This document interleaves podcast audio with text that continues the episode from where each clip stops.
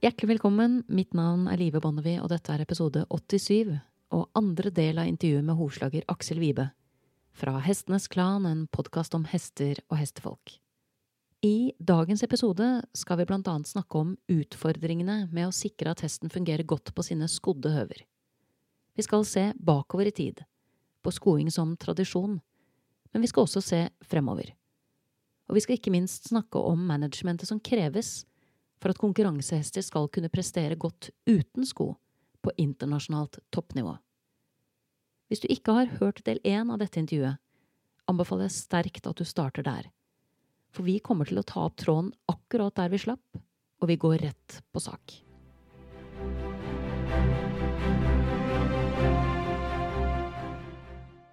Jeg kan være veldig skarp i kanten når det gjelder skoing som er feil, og som skader hesten.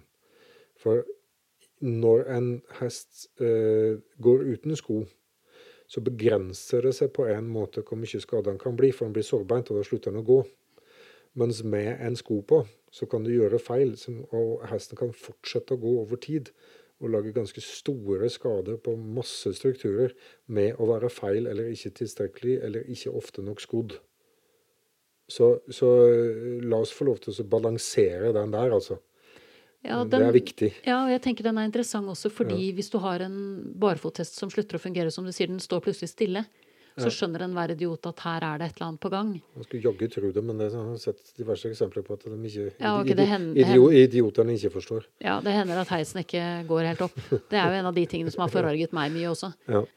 Uh, og det er jo sånn sett veldig fristende å snakke litt med deg om hvordan man som hesteeier, ikke kanskje som hestemenneske, mm. men som hesteeier, Altså en som har kjøpt en hest, men som kanskje har begrenset kompetanse når det gjelder akkurat hoven. Hvordan man skal kunne klare å fange opp de litt mer snikende eh, negative effektene av dårlig hovslagerarbeid. Mm. For der er det jo også veldig mange meninger om hvordan det skal se ut, og hvordan det skal gjøres. Hvordan kan man klare å røyke ut de snikende, mm. usynlige negative effektene av dårlig skoing? Da? Mm. Det, han begynner å gå og avlaste ting. Eh, og bli skeiv og bygge muskler skeivt. Og, og, det er sånn lenge før det, har, det, faktisk oppstår en skade. Så med å bruke folk rundt seg, for jeg vet med egen erfaring at det er veldig vanskelig å følge opp altså, Hvis jeg går og ser på hestene mine hver eneste dag, så sliter jeg til og med å bedømme om de er i riktig hold. Fordi du ser dem hver dag. Eh, så det da å bruke eh, noen flinke folk, om det er veterinær eller rideinstruktør eller, eller, gode venner som du stoler på at er ærlig med deg, eh, til å liksom si, gi dem litt sånne tilbakemeldinger innimellom, det, det er lurt. Og uh, stille spørsmålstegn hvis salen plutselig ikke passer lenger. Er det salen som har vridd seg, eller er det hesten som begynner å bli skak i kroppen? Det er nok de tingene som du kan passe på best sjøl, altså den der, allmenntilstanden og det i forhold til skoen. Men, men ha respekt for altså si at det, det, er ikke bare å sluppe en sko, så skal dette her være i orden. Og det er ikke bare å bruke en, en med fagbrev, så skal, har du noen garanti. Overhodet ikke jeg hører jo med til dem som er opptatt av å bruke en uh, horsager som har et fagbrev. Altså som har en type formell uh, utdannelse i bunn. Mm. Men som du sier, det er ikke noen garanti, det heller. Nei, men hvis jeg er ute og kjører bil, så setter jeg pris på det at de trailerne jeg møter, at de har førerkort. Det er litt sånn jeg tenker også. At det blir et minstekrav. Det er ikke, ja, det er ikke sikkert at det er verdens beste sjåfør, men litt greit å vite at vi har en, en, en, føreropplæring i Norge når du er ute og kjører. altså. Eh, jeg merka at du ble litt uh, forarga et kort øyeblikk når vi kom inn på dette med at folk ikke alltid forstår at hesten sliter med å gå uten sko. Mm. Um, fordi det er en utfordring å ha en hest som skal være i bruk som mm. går uten sko. Og hva er ditt, hvis man kan gå litt mer i detaljen på det, hva er ditt perspektiv på uskodde eh, ridehester? Som er i full normal bruk? Eh, hva har du sett av det i felten, og hva har du erfart? Um, Altså, det har, det har, så store utfordringer at det er veldig få som klarer å gjøre det. Og med respekt uh, for det, og for at jeg syns det er vanskelig å bedømme de tingene der som på sine egne hester, så, så velger jeg å tolke alle signaler med det største alvoret på mine egne hester, og i hvert fall prøve å ha sko på dem. Uh, og jeg opplever da at de har det bedre. Og hvis de er i bruk, så tar ikke den sjansen på at jeg skal utsette dem for det, og da bruker jeg sko på mitt nivå. Uh, nå prater jeg ikke om dem som, som, som har uh, mange ansatte og kan kontrollere hvert eneste steg hesten og underlag de har. Men jeg prater om meg sjøl, som liker å ri på tur og, og, og kose meg på søndager og, og sanke seg. Jeg tar ikke den sjansen. Jeg, jeg, jeg anser ikke at det er min, min sjølinnsikt når det gjelder mine egne hester, eh, er stor nok. Så, så, det er egentlig det beste svaret jeg kan gi, at det er litt sånn personlig. Eh, det, er mitt personlige ståsted, og, og, og det, da det tror jeg det at de, eller jeg håper det at de fleste som har en hest eh, som de forventer noe av, tar inn over seg det òg. OK, hvis du er i tvil, hvis du lurer Hvis noen stiller spørsmålet du, er ikke den litt sårbeint, liksom, beskytt hoven. Ikke ta den sjansen. Altså, jeg gjør ikke det sjøl. Kan man altså, Det jeg ofte tenker på når jeg ser på barfothester som jeg ikke syns fungerer så godt eh, kan man tenke seg at gevinsten med å få en barefothest til å fungere godt, er så stor at det er verdt innsatsen, lurer jeg på noen ganger. For som du sier, Stikkord her er jo management. Hvis du skal ha en velfungerende barfothest, det handler om underlag, det handler om klima, det handler om fòring. Det mm. handler om riktig trimming av hesten. Det handler om mm. um, Det er så mange mm. faktorer som spiller inn for at den hoven skal fungere og være god å gå på. Mm. Eh, samtidig så er det kompromiss å ta på sko. Mm så, så, er det noen situasjoner man kan tenke seg hvor altså, Kan du se for deg det bildet? Da, at det kan være at det kan være verdt jobben å ha en hest som går og fungerer godt uten sko? Altså at, ja, det kan jeg. Hvis du vil vinne OL, har du ubegrensa midler, ja. Er ubegrensede midler et stikkord, rett og slett? Ja. For managementet blir såpass massivt for å få en hest til å prestere uten sko på det nivået? Ja, jeg vet det er mange som vil si at det, det her det klarer jeg fint. Og det, jeg kan si det at gjennom alle mine år, nei, det gjør du ikke. Ikke ta, ja, men i hvert fall ikke ta den sjansen, er det jeg prøver å si. Altså, jeg vil Altså, jeg er en Jeg har kompetanse nok til å praktisk utføre det. Jeg har ikke ressurser, og jeg er en middelaldrende mann som, som har både tid og råd til å gjøre det meste for dyra mine, øh, selvsagt innenfor himmelighet, men jeg tar ikke den sjansen sjøl. Du gambler litt med med, med, med, hesten din, og de kan tross Altså, de tror det skal være sånn de, hvis de får vondt. Det er ikke sikkert de sier ifra engang. De bare går og har vondt.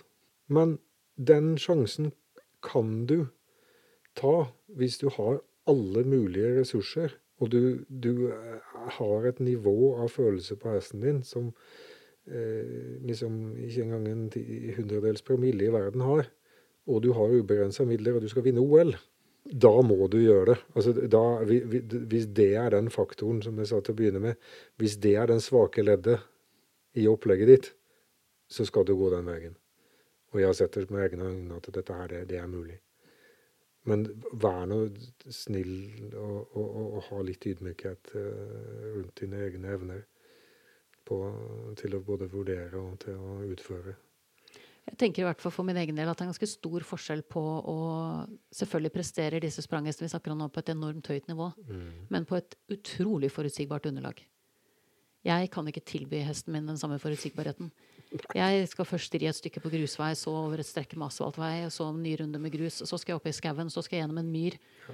Bare for å starte et sted. Um, så det er jo altså jeg, klar, jeg, har jo startet med en hest som jeg tenkte at jeg hadde lyst til å prøve å se om jeg kunne ha barfot fordi han kom uskodd til meg. Ja. Så tenkte jeg da får man bare starte med å se om det er behov for sko. Ja.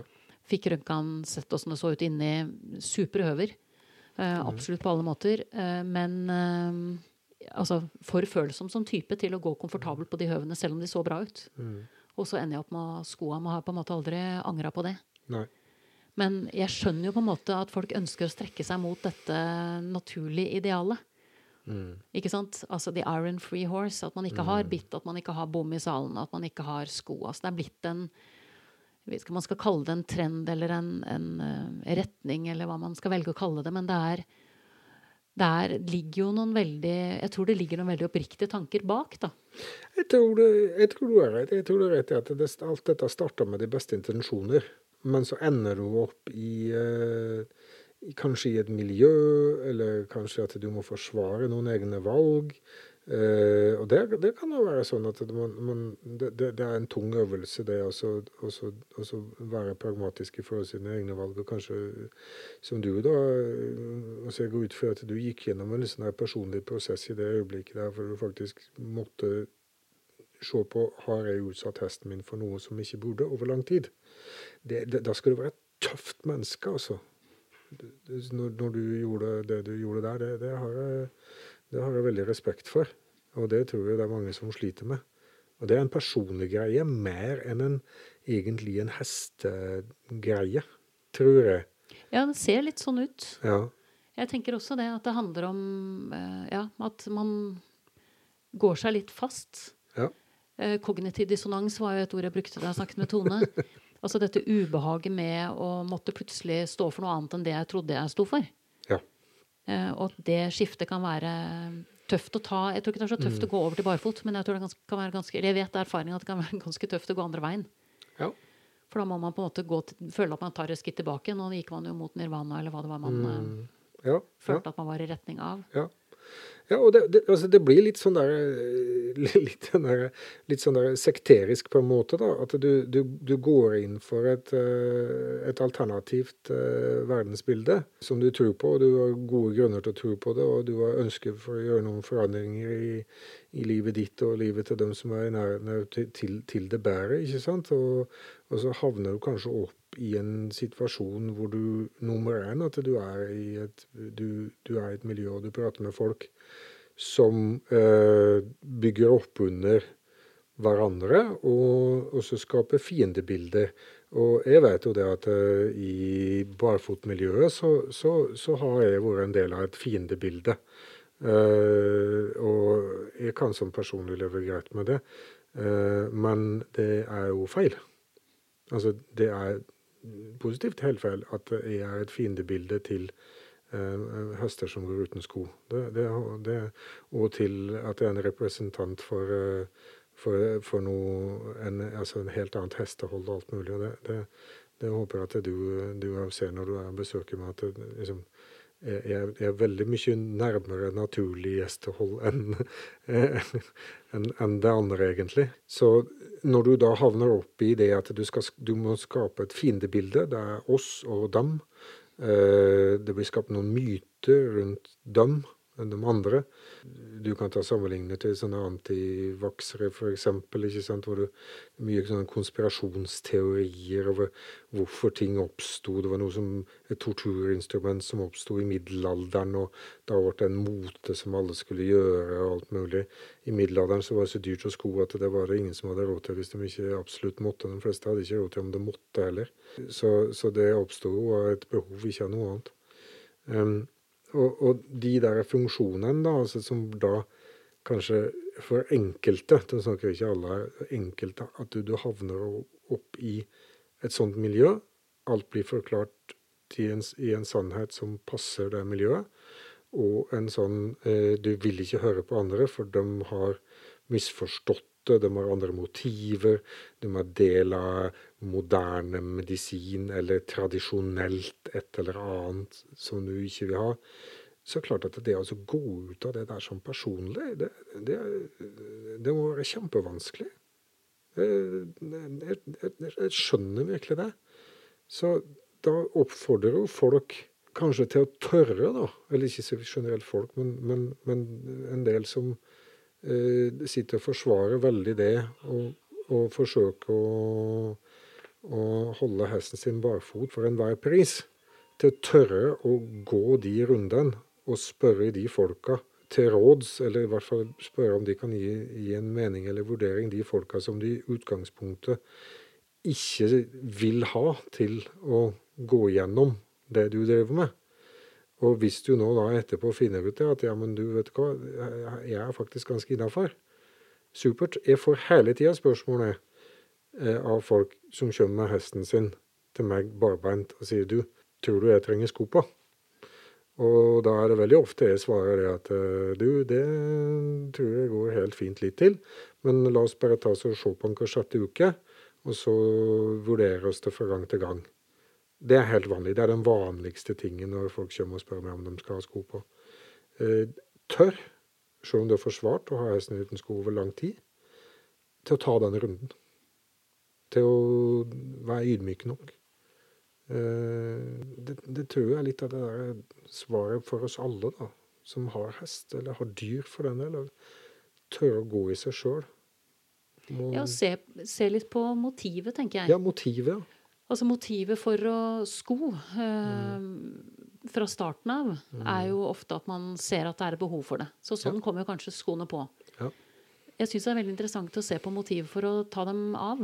Mm. For hvis, hvis, det ikke vokser ut av et behov i hesten, mm.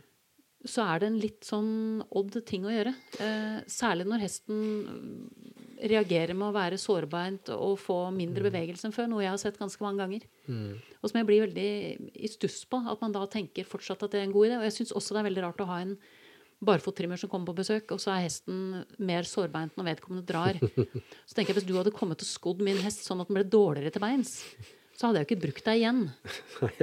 For da hadde jeg tenkt at du ikke ante hva du dreiv med. Og så lurer jeg liksom på skal vi ha egne spilleregler for de som trimmer uh, høver som er uten sko. Ja skal man stille lavere krav til dem? Altså, hesten skal jo være operativ, den skal være komfortabel. Det er jo et ufravikelig krav. Hvis hesten fungerer dårligere etter å ha vært der, da ber jeg tynt og ydmykt om jeg kan få en sjanse til. For det var åpenbart ikke det som var ønsket mitt. Og jeg vil da, som regel, hvis vi ikke har med patologier å gjøre da, La oss si at vi har med en patologi å gjøre hvor jeg sier at nå gjør jeg så store endringer, og jeg gjør dem eh, såpass fort at dette her det kan hesten kjenne på. Det kan være at den er omgjøvende, eller det kan være at den endrer måter og ting, å gå på. Da vil mitt øh, gode råd der det er det at ok, her skal vi vurdere smertelindring og snakke med veterinær. Og få øh, smerte- og inflammasjonsdempende i en periode. Men da snakker vi om ting som er gitt en diagnose. Og hvor vi har fått en klare ting på at her skal vi gjøre endringer i vinkler osv. Det er en helt annen ting enn at den kommer og blir skodd eller den kommer og, og, og noen verker. Og, og, da, som du sier, motivasjon til å ta av sko. Altså, Motivasjonen til å ta av sko, det er jo gjerne, tror jeg, nysgjerrighet. Uh, er det noe mer jeg kan gjøre for resten min?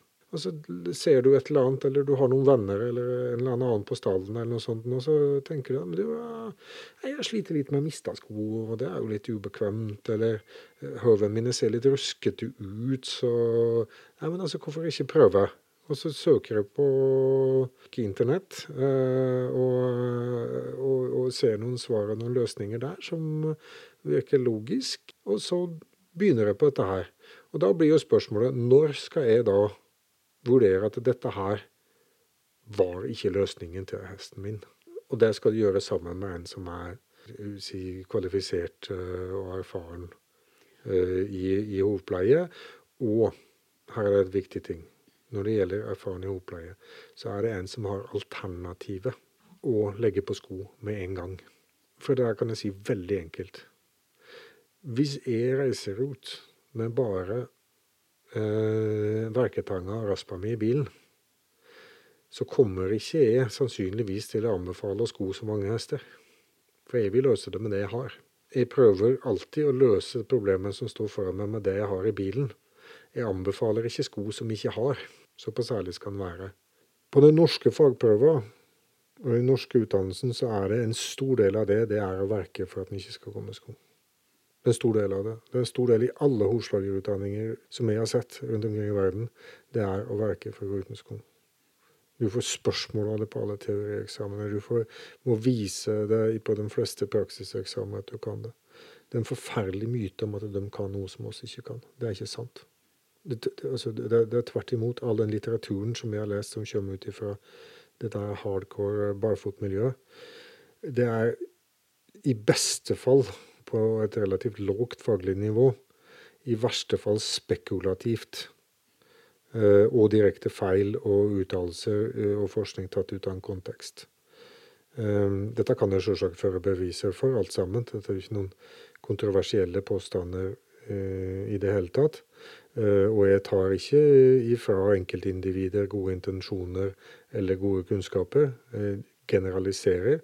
Jeg tar, avskriver ikke min egen yrkesgruppe ansvar for å videreutdanne seg, for å utvikle seg, for å Eh, eh, forstå og respektere det jeg også holder på med, og, og, effekten og den negative effekten som en hestesko kan ha. Ikke i det hele tatt. Eh, på ingen måte. Jeg er nok mye hardere mot min egen yrkesgruppe enn, enn jeg er mot noen andre innenfor dette her, skal jeg love. Jeg er ikke kjent for å være spesielt jeg må si, ikke si grei mot mine kolleger, for jeg er lojal overfor min yrkesgruppe. Men jeg stiller ganske høye krav til meg sjøl og til andre.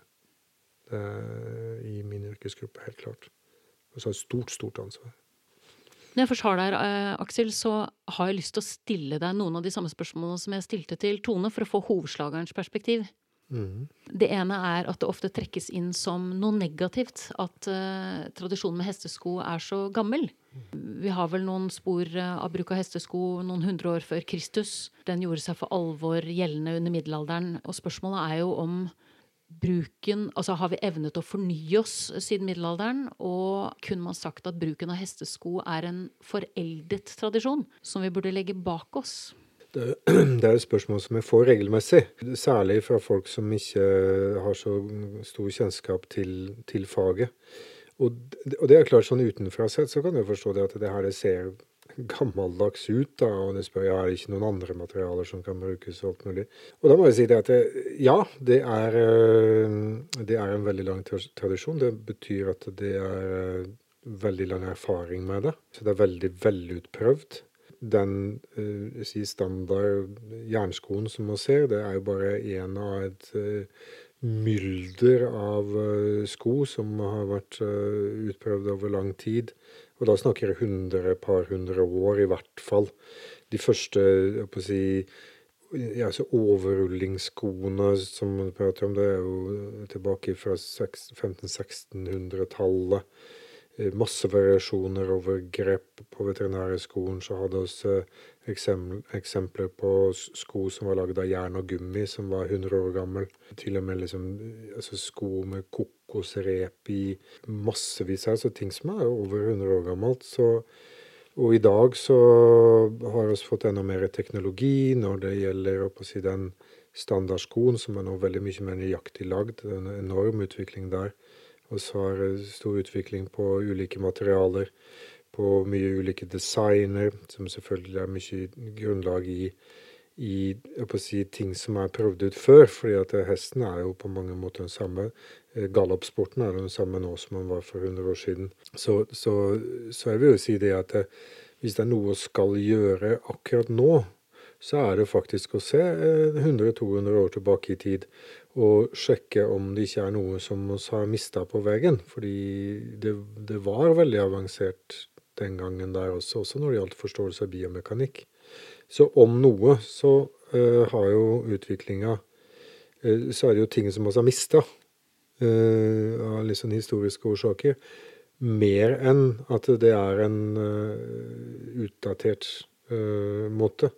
Det er veldig unyansert å si det og se, se på det på den måten, syns jeg. Så, så, det Nei, der eh, Det må jeg se meg litt uenig i, faktisk. Jeg må jo si som, en, som et lite tillegg til det spørsmålet at det er jo interessant når jeg kommer inn på besøk til deg, og så er det, det noe av det første som møter meg, er en vegg hvor det henger 30 hestesko. Mm.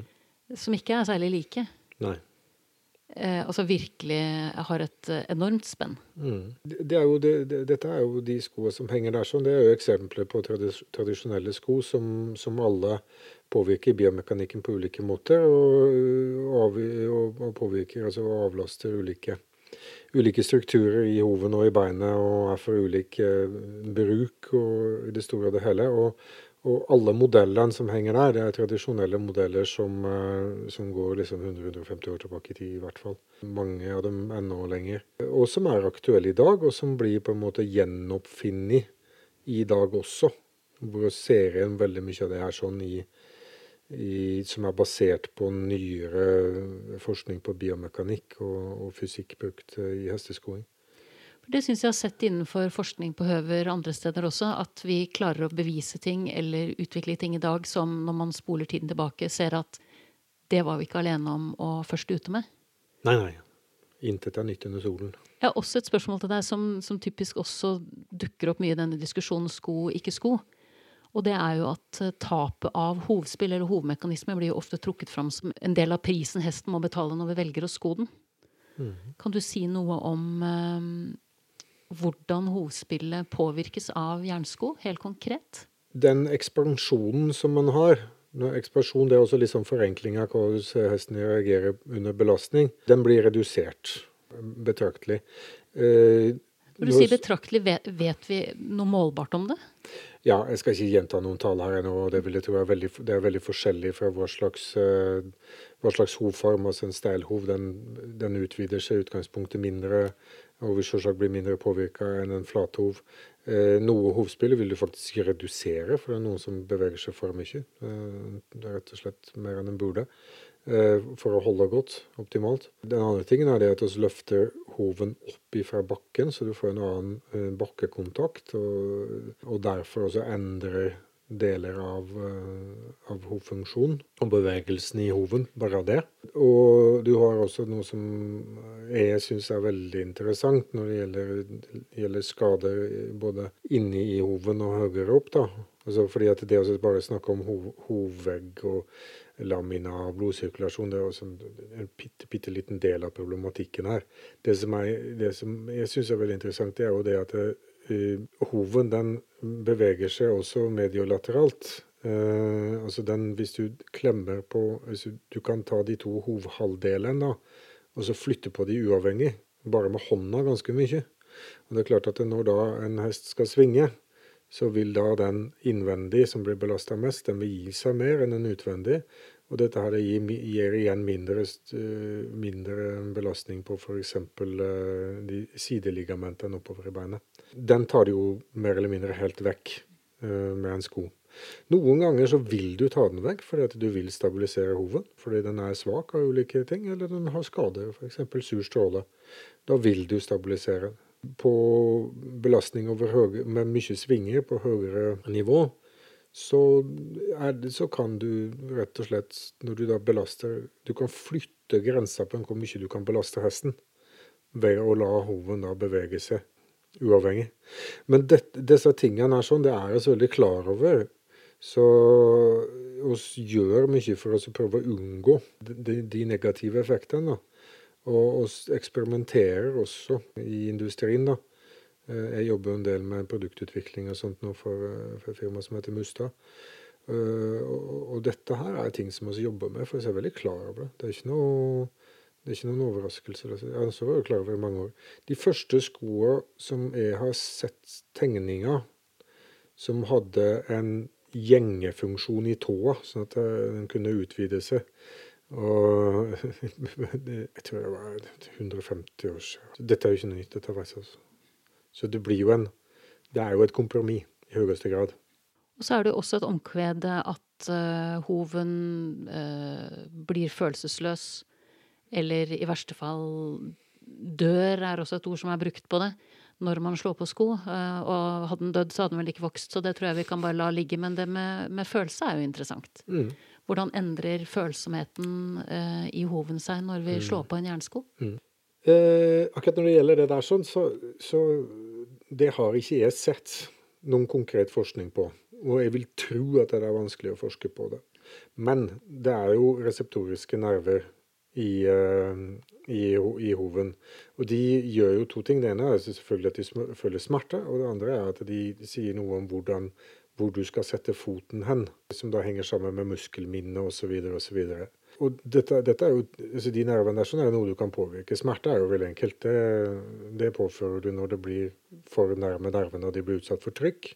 Så en sårbarhetstest øh, vil selvfølgelig føle smerte. Men en hest som da ikke er, er øh, en, en, hest som ikke er sårbeint, men en øh, føler underlaget, han vil da kunne være mer liksom føle seg fram på en måte for å vite hvor han skal gå hen. og kjenne den beste stien og hvor du skal sette føttene og, og sånne ting. I, i, i vår uh, verden, som det som jeg sa tidligere, da, altså det som oss ber hesten om, og det, de forutsetningene som oss setter hesten innunder, så er det ikke så heldig, uh, rett og slett. Fordi at uh, oss vil gjerne be hesten om å gjøre noe som han kanskje ikke er komfortabel med. Og da er det bedre at det også har gjort beskytta hoven. Jeg skal ikke si den følelsesløst, for det blir det samme som å si at jeg er følelsesløs når jeg tar på meg sko. Jeg er beskytta imot trykk, skader, smerte. Men at det har en påvirkning, ja, det, det er klart det har. Det er når det gjelder si følsomhet og nerver og sånne ting. da. Men um, det, når den går og har vondt over tid, så er det viktig å vite det. At uh, når du påfører et sted smerte over tid, så blir den følelsesløs, den òg. Så du, det å si at en blir følelsesløs med sko på, det, det er jo en, en sannhet, uh, hvis vi vil kalle det følelsesløs. Men han blir i hvert fall følelsesløs hvis han går og, og blir, uh, blir sårbeint over tid. Pluss at, som jeg sier, at hoven den henger jo ikke Hoven er ikke en isolert ting nederst på beinet. Altså Hvis du går og har vondt, så blir du stiv. Altså Jeg trenger bare én dag hvor jeg har gnagsår, ikke det engang gnagsår før jeg får vondt i ryggen. Eh, det tror jeg de fleste vet, er at hvis du går og er øm i beina eller på en eller annen måte har vondt i beina, så får du vondt resten av, resten av kroppen. Så, så, du kan Og det sier noen ting, altså, det, det, det sier noen ting, altså Dette er gode eksempler, for det sier noen ting om at ja, det er en del sånne påstander som er absolutt riktige, absolutt rot i sannheten, men du drar ut bare en del av et mer komplekst bilde. Og du, snakker litt ut av kontekst. Og det kan jeg gjøre òg. For, og jeg har gjort det, skyldig i det, hvor jeg snakker ut ifra kontekst for å forsvare et standpunkt. Men kunnskapsmessig og pragmatisk da, for å kunne gjøre gode beslutninger for hesten i hver enkelt situasjon, så må vi ta inn over oss det at det er ting som taler for, det er ting som taler mot. Og så er det avveining. Tilbake til dette kompromisset som vi snakket om. Ja, det er, og det er det. Ja, men er jo, livet er jo et kompromiss, ikke det? I hvert fall for meg. for de fleste, tror jeg. Jeg må jo også si at eh, akkurat når du snakket om, eller når vi snakket om dette med følelsesløs uh, hov som følge av at man slår på sko, så husker jeg veldig godt at jeg var ute og red en tur en gang hvor det var en som falt av. Mm. Dette var på sommeren, så hun hadde på seg shorts. Mm. Og hun falt av på en skogsbunn hvor det var veldig mye røtter, og, hesten, og hun falt under hesten. Og hesten var da på vei videre. Mm. Og satt uh, hoven sin med sko mm. på hennes lår. Mm. Uh, og skulle jo gå et steg. Mm. Men kjente jo da at det her er jo ikke uh, en bit av en rot. Mm. Det er noe annet. Mm. Og stoppet i bevegelsen. Sånn at som du sier, det er mange lag oppover i hesten som, som kan sanse og fange opp forskjellen på underlag, selv om det er en sko der. Altså, jeg har, jeg har skodd og jeg har jobba med hester som er nervesnittere fra koden og ned de er følelsesløse. Det er noe helt annet enn en hest som går ifra å ikke ha sko til å ha sko på. Altså, la, la, det være helt klart. Altså, hvis du snakker om at det, det, sko fungerer som en nervesnitting Nei. Det er langt ifra. kan du si noe om hvordan det arta seg? Nei, du får en veldig, får en veldig spesiell følelse, for at de er, de er følelsesløse. Så når du, du får ikke når du slår i søvn, f.eks., så, så, så, så, får du ikke den samme feelingen med det, for at hesten er ikke med på det.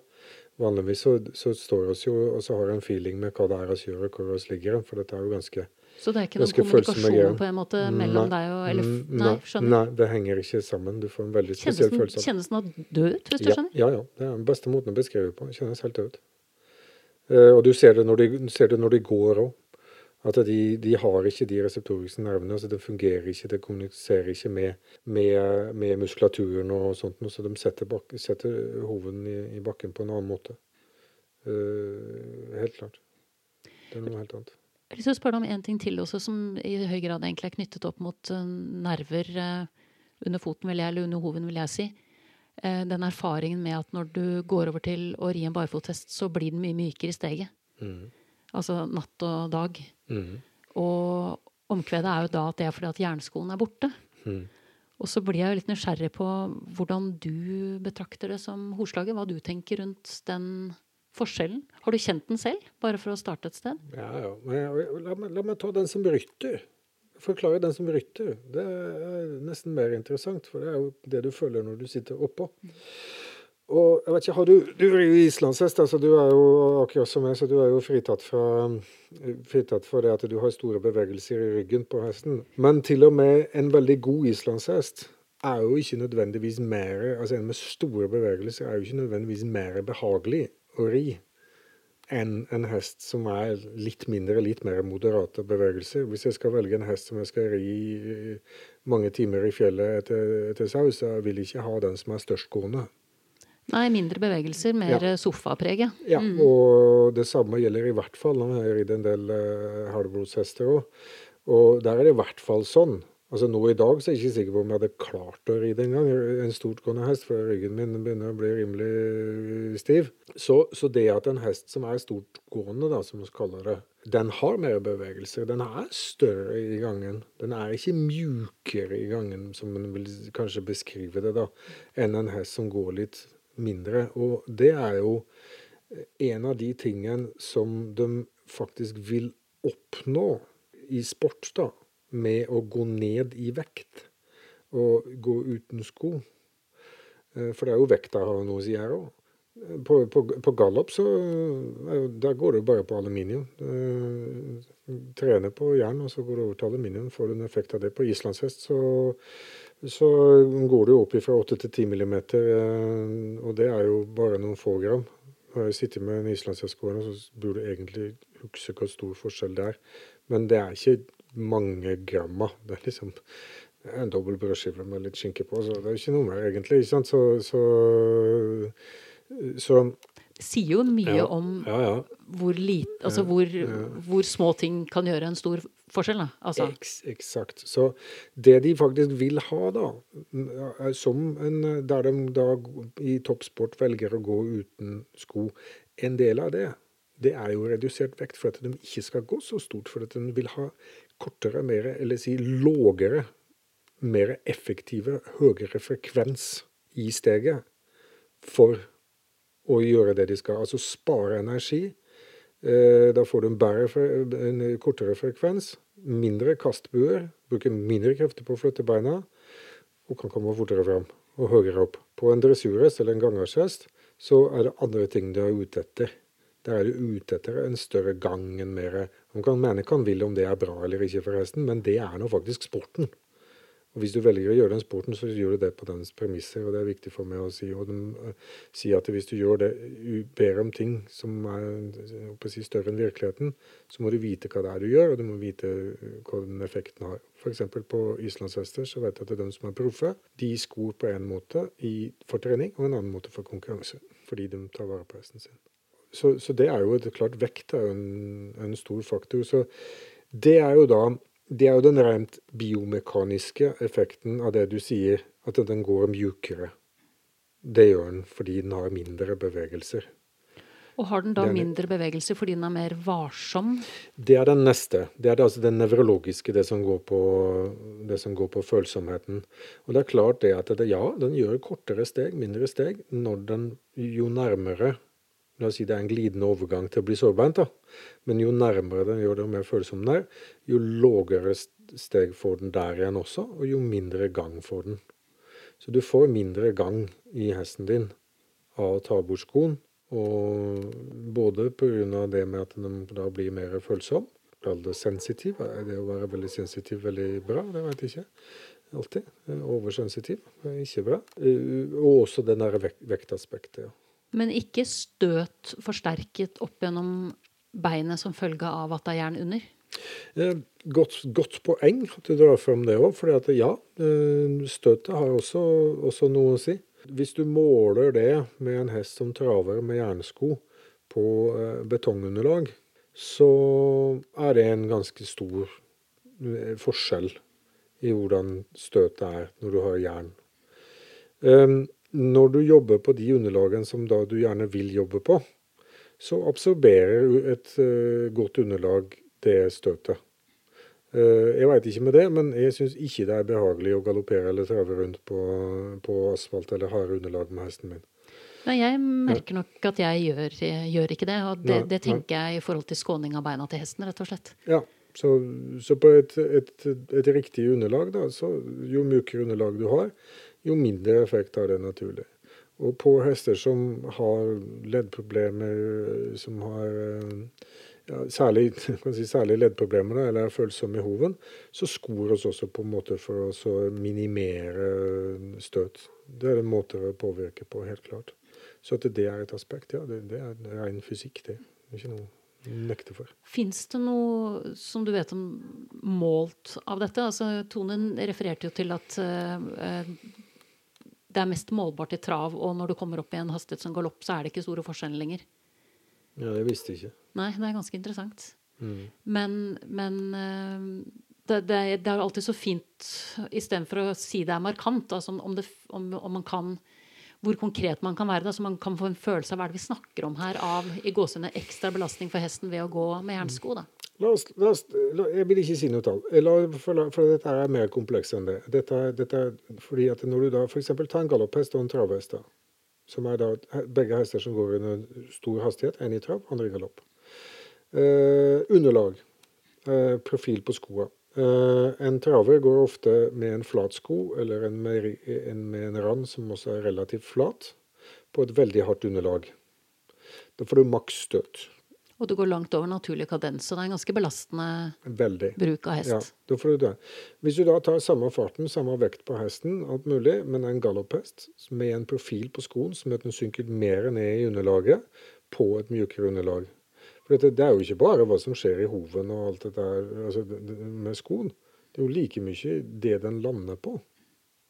Lande, og, og med, med, fart. Og en, en, en trave, altså trav er en annen, annen gangart som lander på en annen måte enn galopp. Så, så, det at det er forskjell, men om fors, forskjellen ligger i den eller den eller sånn eller sånn, og i prosent eller ditt eller datt, det, altså det, det er ikke relevant annet i den forståelsen som en trener eller som en utøver eller som en helt vanlig person. Og så skjønne det at en, å, å galoppere i nedoverbakke på asfalt er dumt. Det er litt mer brutalt enn å galoppere en slakk oppover med gress? Ja. Altså, det er jo common sense. Det er, det er veldig mye common sense, og, og det Eh, og der kan man si det at OK, plutselig så kommer det inn andre ting. Så det OK, hva slags eh, Når du har en profil på en sko, så eh, har den større friksjon i landinga, så den lander bråere enn det. Så da får du si, ikke nødvendigvis et støt, men du får andre, andre ting inn der. Så Altså, dette er en sånn avveining, og det, altså, det er en kompleksitet i det. Så så si det at ja, en jernsko gir mer støt, så kan du si ja, det gjør det. Men under hvilke forutsetninger, og når gjør det her seg gjeldende? Den forskninga som jeg har sett på det som Jeg husker ikke engang i tallet, men fordi at det var så irrelevant, for det var en hest som trava på betonggulv rett fram. Hvor er relevansen i det? Ja, nei, det er jo ikke noe man driver med. For, meg. Mm. Uh, null. Det sier det. Ja, det gir et støt. OK. Ja, for jeg tenker det blir jo viktig når man gjør sånne forsøk. Eh, mm. Som du sier også, hvilken relevans det har i forhold til der hvor, ja. hvor du faktisk rir og trener hestene våre, og på hvilken måte vi gjør det. Ja, ja det, det absolutt. Så det, og det, der igjen altså, kommer det tilbake til at, at disse altså, sånne påstander de er riktige, men det er tatt ut av en kontekst og setter ikke ting i det perspektivet med at dette er en kompleksitet. Og du gjør en ting, og så kompenserer du for det på en eller annen måte. Eller det i den ideelle verden, i hvert fall. Da. Så gjør du det. Det er, jo fristende når vi sitter her og snakker om disse tingene, å spørre deg også om hva tenker du om hovedhelse i fremtiden? Hvor går vi herfra? Det, ja, det, det, altså det er jo det som er så kjempeinteressant. Og da må en ha et godt grep om, om uh, historien, sjølsagt.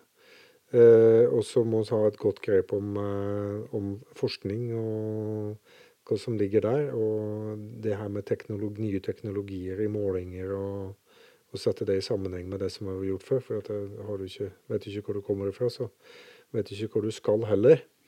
Jeg tror, jeg tror nok det at vi kommer til å det kommer til å bli veldig mye mer krevende, for det kommer til å få veldig mye mer målinger. Og så blir det bare veldig mye mer å sortere. Så det kommer til å kreve mer spisskompetanse um, innenfor det vi uh, driver med. Så uh, både på teori og det praktiske, for hvis vi ikke kan overføre teorien i praksis, så er jo teorien altså, så er den jo uinteressant for hesten, i hvert fall. Hesten bryr seg ikke om hvor god vi er i teori, den bryr seg om hva det er jeg faktisk utfører. Um, det, det, er nok den ene tingen, at det blir mer komplekst. Vi må ha et høyere teoretisk eh, grunnlag. Og eh, at vi må ha eh, et bredere praktisk grunnlag, fordi at det kommer til å komme Eller det er allerede veldig mye produkter på markedet. Ikke nødvendigvis nye produkter, men det er mer tilgjengelighet. I stor grad pga. pris. Eh, at det på alle mulige ting i dag. At vi har større tilgang til flere produkter og mer teknologi. Rett og slett fordi at det er rimeligere for folk å bruke. Så det blir nok en større variasjon i hva folk vil bruke og vil prøve eh, pga. tilgangen. Det er, det eh, det er en side av det. Eh, når det gjelder det her med barfot, så kommer vi til å få veldig mye mer kunnskap og forskning på det, sånn at vi kan ha større mulighet for å lage gode management rundt det, så flere eh, hester kan få eh, altså den fulle utbyttet av å gå uten sko. Fordi hesteeiere vil lære mer om hva slags forutsetninger i managementet vil være. Så det tror jeg er litt av, forus, litt av forutsetninga der. At det er flere De vil gå ifra et hobbybruk til et mer profesjon, profesjonelt bruk. De vil gå ifra anekdoter og 'jeg veit en hest som fikk veldig fine høver', til det er så og så mange prosent hest i toppsport som går og presterer på den måten. Så der igjen også så er det en, en, en større kompleksitet eh, Altså en større bredde i, eh, i forståelsen av, av, det vi driver med. Men, men, der igjen, det bare blir vanskeligere for det som har mer kompetanse. Så det går nok på det her med kompetansen i stor grad hos fagutøvere og profesjonaliteten til fagutøvere. Så hvordan ligger eh, utdanningen av hovslagere an Vi snakket litt, jeg har snakket litt om Veterinærhøgskolen tidligere i forhold til mm. at det er ganske konservativt. Um, hvordan er det i hovslagmiljøet? Er man uh, ikke sant, Dere har tradisjoner som skal ivaretas, mm. men samtidig skal man ha denne åpningen mot innovasjon. Mm. Uh, og er det mye seighet i materien i forhold til uh, når ting begynner å påvirke utdannelsen deres, f.eks.? Uh, I internasjonalt så er det en kjempeutvikling. Det er det. Eh, virkelig. Det er veldig masse spennende. Det er eh, lettere tilgang til å ta altså, høyere universitetsutdannelser, doktorgrader innen faget mitt. Eh, akademiske nivå har gått opp veldig. Så, så der, det, der, har det vært en rivende utvikling. En utrolig utvikling på det året jeg har, har, har drevet. I vårt eget uh, lille land, da? Enk, det er enkeltmennesker enkeltindivider på eget initiativ som gjør en kjempejobb. Det er det. De beste i Norge de er på høgde med de beste i utlandet. Uten tvil. Det er veldig bra. Mye godt initiativ. Mange ildsjeler. Systemet, utdanningssystemet og de som er ansvarlige for utdanning i, i, Norge, og de systemene der sånn, må jeg si sånn som kanskje skal være kanskje kontroversiell, kanskje tråkke på noen tær, men jeg si det syns jeg går tilbake. Oh ja, at vi Taper, rett og slett? Ja. Øyner egentlig ikke noe spesielt håp. På hvilken måte har det gått tilbake? Læreplanen har vært omformulert på noen viktige områder. For eksempel? Eh, det har blitt, eh, Ordet smiing har blitt tatt bort. Fra hovslagerfaget så bruker man ikke lenger eh, nei, smie? Nei, bruker ikke smiing. Det er ikke definert i læreplanen. Det høres ut som et lite en bagatell, men det er det faktisk ikke. Det er et paradigmeskifte resultatet er jo en forringelse av de For hvis man husker på det at det, fagbrevet, fagutdanningen, den er, skal være en ferdighetsbasert Ja, teori, grunnleggende teori, men det er veldig mye ferdigheter som skal inn her. Og det å ha smikunnskap og kunne tilpasse sko og lage sko der sånn, det er teknisk veldig utfordrende. Og som jeg har sagt tidligere, det er der også hovslagere kan gjøre mest skade. Det er med skoen. Og hvis vi ikke har evner til å tilpasse den, og tilpasse og bøye jern, det er å smi. Og det, ikke, og det å forstå grunnleggende smiteknikker og tilpassingsteknikker som du lærer gjennom smiing, så mister du massevis av de ferdighetene du trenger. Så de ytterste konsekvensene av dette her Nå tror jeg nok det at de fleste som driver med fagutdanning i Norge, altså gjennom systemet, de vil fortsette å uh, lære opp lærlingene sine i å smi. Og de som sitter i prøvenemndene i fagprøve, de vil fortsette å prøve de i smiing. Men det er et paradigmeskifte når det er tatt bort, og det er til stor skade for fagmiljøet, og da sjølsagt for hestene i Norge. Og dette kommer fra det høyeste nivået innenfor utdanning i Norge. Vet du hvordan dette håndteres eh, utenfor Norges grenser? Det blir holdt i hevd at det skal være en del av utdanninga. Så vi skjærer litt ut til venstre eller høyre og går vår egen vei, eller? Jeg skal på trynet. Jeg syns jo det høres veldig spesielt ut. Nå har ikke jeg noe veldig sterkt forhold til ditt fag, men jeg, men jeg føler jo at det er en ganske stor bit av det å være hovslager, at man har et forhold til dette. Ja, det er superviktig. Hvis du tilpasser skoen feil, så kan du ødelegge masse på alle nivåer. Så, så det, å ha, det, å ha, fokus på ferdighetene som det er å smi og tilpasse sko, det, og da grunnleggende smiing, hvor det er der du lærer teknikken på hvordan du kan da eh, tilpasse en sko så presist som mulig. Jeg bare prøver liksom å tenke meg, Hvis veterinæren lærer at han skal slå seg sammen med deg, eller hun skal slå seg sammen med deg, mm. for at du skal løse det hun har funnet av patologi med din sko, mm. og så skal du bort til en eller annen tredjeperson for å få tak i den skoen? Er det sånn det er tenkt da? Nei, det hjelper ikke at jeg må bort til en tredjeperson, for jeg har ikke ferdigheten til å tilpasse skoen. Jeg har ikke høye nok ferdigheter til å tilpasse skoen. Så det vil faktisk gjøre det enda verre, for det betyr det at jeg tar en sko som har en biomekanisk virkning på hesten, og jeg klarer ikke tilpasse den så optimalt som mulig. Så kan jeg risikere at jeg gjør ting verre. Dette ser jeg eksempler på. Det ser jeg eksempler på veldig ofte. Og, så det er jo en veldig lite gjennomtenkt uh, ting. Ja, og veldig uheldig for din profesjon. Nei, for hestene. Altså, vår profesjon her i Norge, den er såpass liten. Fagopplæringa i Norge er såpass liten og uviktig. Så det de driver med opplæring i hest, eller si hovslagerfaget i Norge, det er relativt uviktig i en større sammenheng. Eh, de som er interessert, og de som brenner for dette, sånn, de skaffer sin, eh, sin kompetanse i stor grad utenfra. De reiser ut av Norge for å ja, eller, lære seg faget sitt? Eller det, også har internett og kan bestille bøker. Så det, du, det går fint. Og også så er det, er det instruktører i Norge på internasjonalt nivå. Men det er privat. Så de som vil og For dette er jo et praktisk fag. sånn at det, altså, bestille bøker er jo ikke det nei, jo liksom nei, nei, men de, nei, men sant, altså, de, reiser, de, de, reiser, ut, og det fins jo instruktører i Norge på internasjonalt nivå. Og med internasjonal bakgrunn. Så, så, så, sånn som de som vil, og de som brenner sånn, de får jo den tilgangen likevel. Og så er ikke isolert. Uh, og også er jo en veldig liten del av, av, av hovslagerutviklinga i, i, verden. Så, så, det drar oss eh, særlig i dag. Altså når jeg begynte, så, så da var det ganske mye vanskeligere enn uh, en i dag med all den tilgangen vi har. Men det er jo bekymringsverdig at de som skal være liksom ha ansvaret for å si kompetanse og kompetanseutvikling i Norge, ikke er mer våkne enn det.